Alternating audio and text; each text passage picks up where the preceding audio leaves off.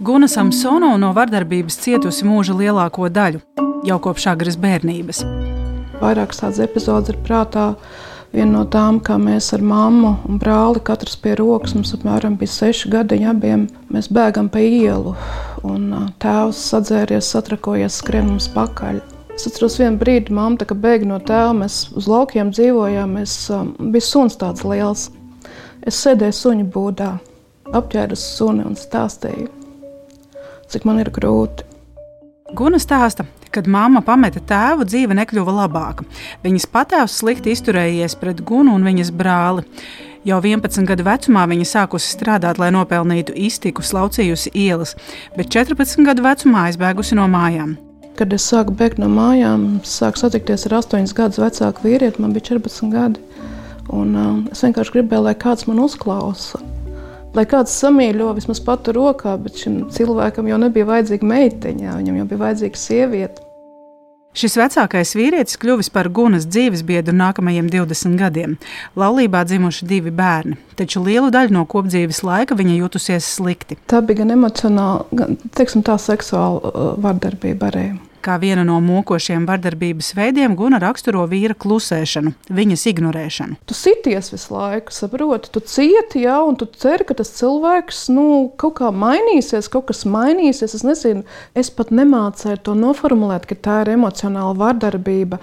Jo, saprotiet, tu jūties vainīgs arī par to. Nu, jā. Guna norāda, viņa meklējusi atbalstu kristīgajā draudzē, ar ko saistījusies viņas ikdiena, taču pretī saņēmusi pārmetumus. Man bija jānostājās pret uh, visu kristīgo vidi, kurā es atrados tajā laikā. Jo visiem bija tāds kaut kāds izveidojies priekšstats, ka mums ir ļoti laba dzīve, laimīga laulība. Kaut gan visi arī zināja, ka vīrs spēlē azartspēles. Un viss kaut kā prasītu atbildību no manis. Spriedzi, kurā Guna dzīvoja, atbalsta vietā saņemot pārmetumus, radīja spēcīgu trauksmi, depresiju.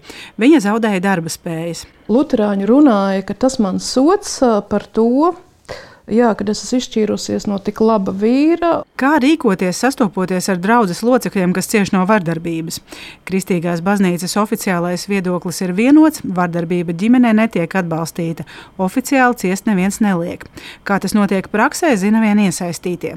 Kopš 2015. gada Katoļu baznīcā izstrādātas īpašas vadlīnijas nepilngadīgo un bezspēcīgo personu aizsardzībai Latvijas diecēzēs. Stāsta Andris Kravalis, Rīgas arhidiecēzes palīdzības svarīgi bīskaps? Svarīgi ir kompetence un zināt, kur ir tās robežlīnijas, kas cilvēkam var palīdzēt. Un atsevišķos gadījumos mēs tiešām nu, aicinām un lūdzam, lai viņi vēršas pie mm, tiesību sargājošām iestādēm.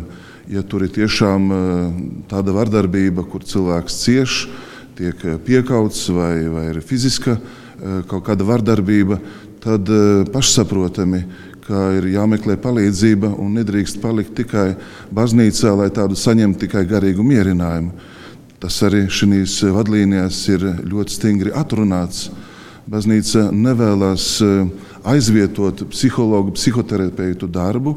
Vārdarbība neatbilst Kristus mācībai, neatbilst tuvāk mīlestības bauslim. Tā sagrauj uzticēšanos, kas ir jebkuru attiecību pamatā. Tāpēc jebkāda vardarbība ir nosodāma. Tā norāda arī Latvijas evaņģēliski luteriskās baznīcas mācītājs Sandis Ratnieks.